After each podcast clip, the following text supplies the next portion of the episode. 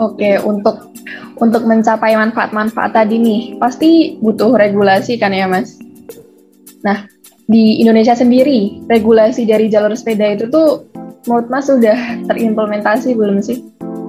Ini harus dibuat lagi mungkin waktu itu sempat uh, diskusi. Nah dari dari forum diskusi FGD kemarin uh, itu uh, berharap tiap-tiap daerah punya perdanya masing-masing gitu loh mbak sehingga uh, mungkin dari aturan uh, regulasi yang tinggi nanti diturunkan ke tahap-tahap uh, wilayah uh, kabupaten ataupun kota begitu sehingga penerapannya juga bisa maksimal gitu karena uh, bicara soal uh, sepeda bicara juga soal program nanti. Nah, program ini harus ada kebijakan. Nah, kebijakan ini ya biasanya peraturan daerah yang untuk memaksimalkan lah, gitu Mbak.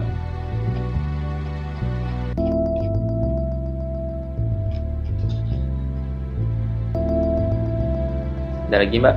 Terus kalau ini lewat peraturan Menteri Perhubungan ini yang tadi nomor PM 59 tahun 2020 tentang keselamatan sepeda jalan. Uh, nah, pertanyaan selanjutnya nih Mas. Uh, ya.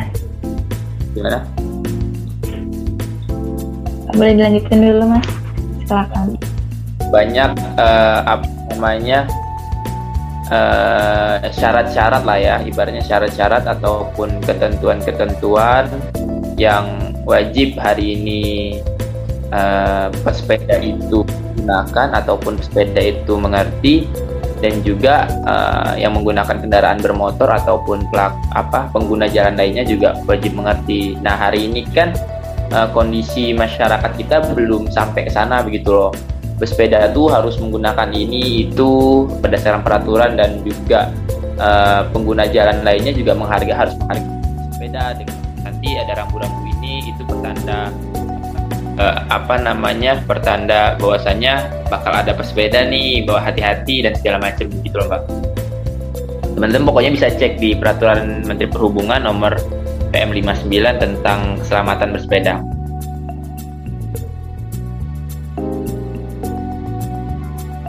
Uh, Oke, okay. uh, untuk pertanyaan selanjutnya nih Mas, uh, kan biasanya kayak masih sering kita lihat nih ya uh, banyak para pesepeda yang melanggar aturan lalu lintas. Uh, menurut Mas Taufik, uh, edukasi seperti apa sih Mas yang bisa diberikan agar tidak terjadi konflik antara pesepeda dengan pengguna jalan yang lain? Jadi ini step edukasinya ya. Hari ini kan rata-rata pesepeda itu selain individu tapi ada komunitas juga ya. Nah, mungkin saya berharap juga nanti ke depannya banyak sekali komunitas-komunitas itu membuat forum-forum sih. Nah, forum-forum itulah yang gunanya nanti mungkin pemerintah bisa sosialisasi juga begitu loh. Ataupun hari ini juga sebetulnya kan bisa lewat media sosial juga kan. Sebetulnya bisa lebih uh, lebih lebih fleksibel lagi kalau memang uh, apa namanya uh, pihak pemerintah memanfaatkan itu untuk mensosialisasikan uh, apa namanya aturan-aturan mereka gitu loh mbak. Karena bicara soal aturan-aturan memang saya pun waktu saat berkendara uh, sepeda juga terkadang lupa terkait peraturan-peraturan uh, itu. Cuman kan hari ini kita uh, mindsetnya gimana caranya kita aman orang lain juga aman nah tapi kan biasanya orang lain kan nggak berpikir demikian kan hingga memang uh, peraturan-peraturan ataupun regulasi-regulasi itu memang harus disosialisasikan untuk sepedanya dan untuk pengguna jalan lainnya biar saling mengerti begitu. Uh, terus nih mas kalau mencontoh dari negara maju seperti Belanda dan Amerika Serikat, uh, kenapa penerapan jalur sepeda di Indonesia tuh masih belum terlaksana dengan baik ya mas? banyak ininya, banyak kendalanya, Mbak. Jadi uh, kalau bicara soal pesepeda harus ujung-ujungnya harus dipertemukan sama banyak banyak apa namanya banyak sektor lagi. Uh, kalau menurut saya, kalaupun di sub sendiri yang bekerja itu juga sulit ya. Ujung-ujungnya di sub harus bekerja sama semua uh, instansi lagi gitu loh. Karena dalam uh, apa namanya ya mewujudkan sebuah regulasi atau mewujudkan sebuah uh, tujuan besar itu kan yang pertama harus mungkin harus berkolaborasi sama banyak pihak dan juga pihak-pihak uh, lain juga harus mengerti maka dari itu Indonesia nggak mungkin secepat itu menerapkan apa namanya eh, regulasi-regulasi uh, terkait uh, keselamatan pesepeda di jalan contohnya ya.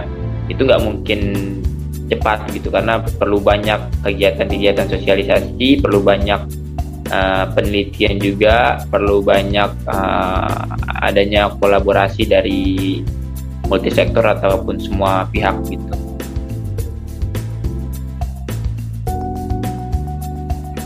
Nah, pertanyaan terakhir nih Mas, uh, ada nggak sih Mas yang bisa kita lakuin nih sebagai mahasiswa uh, untuk menanggapi polemik jalur sepeda itu seperti apa ya Mas? Ada. Ini saya lakuin juga kebetulan uh, saya juga presiden mahasiswa di Universitas, Universitas Islam Bandung. Nah uh, hari ini saya coba buat kegiatan bersepeda, cuman kita kolaborasi sama Disub dan juga ada forum komunikasi pesepeda di Bandung Raya. Nah, kita berkolaborasi sama mereka buat kegiatan-kegiatan kecil. Terus juga ada kampanye bersepeda.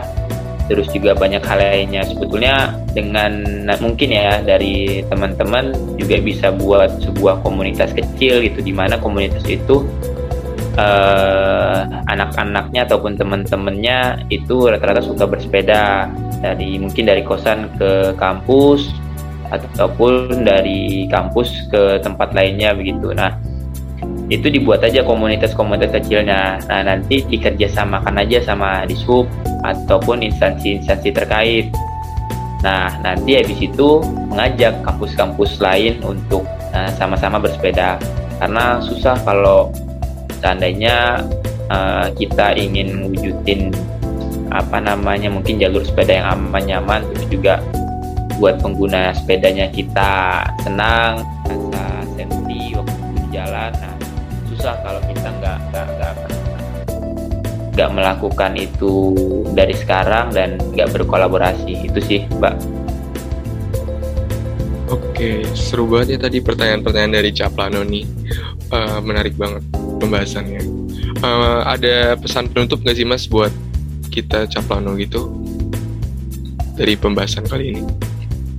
Kalau pesannya sih uh, mungkin teman-teman bisa kalau suka senang bersepeda ataupun uh, apa namanya uh, memang transportasi utamanya sepeda mungkin bisa juga menyebarkan apa uh, rasa bersepeda, kesenangan bersepedanya ke teman-teman uh, dekatnya. Karena menurut saya ya kalau bicara tadi bicara soal masa depan sepeda memang eh, sangat-sangat uh, baik buat masa depan kita sendiri pribadi ya karena kan ada kesehatan juga lainnya. Cuman uh, nah tadi kita bicara soal penegakan regulasi ataupun uh, dalam mewujudkan tujuan besar tadi Nah, itu juga perlu mengajak teman-teman kita. Nah, gimana caranya pesepeda-pesepeda yang individu-individu ini bisa menginfluence teman-teman lain, membuat sebuah komunitas di mana komunitas itu ya perlahan-lahan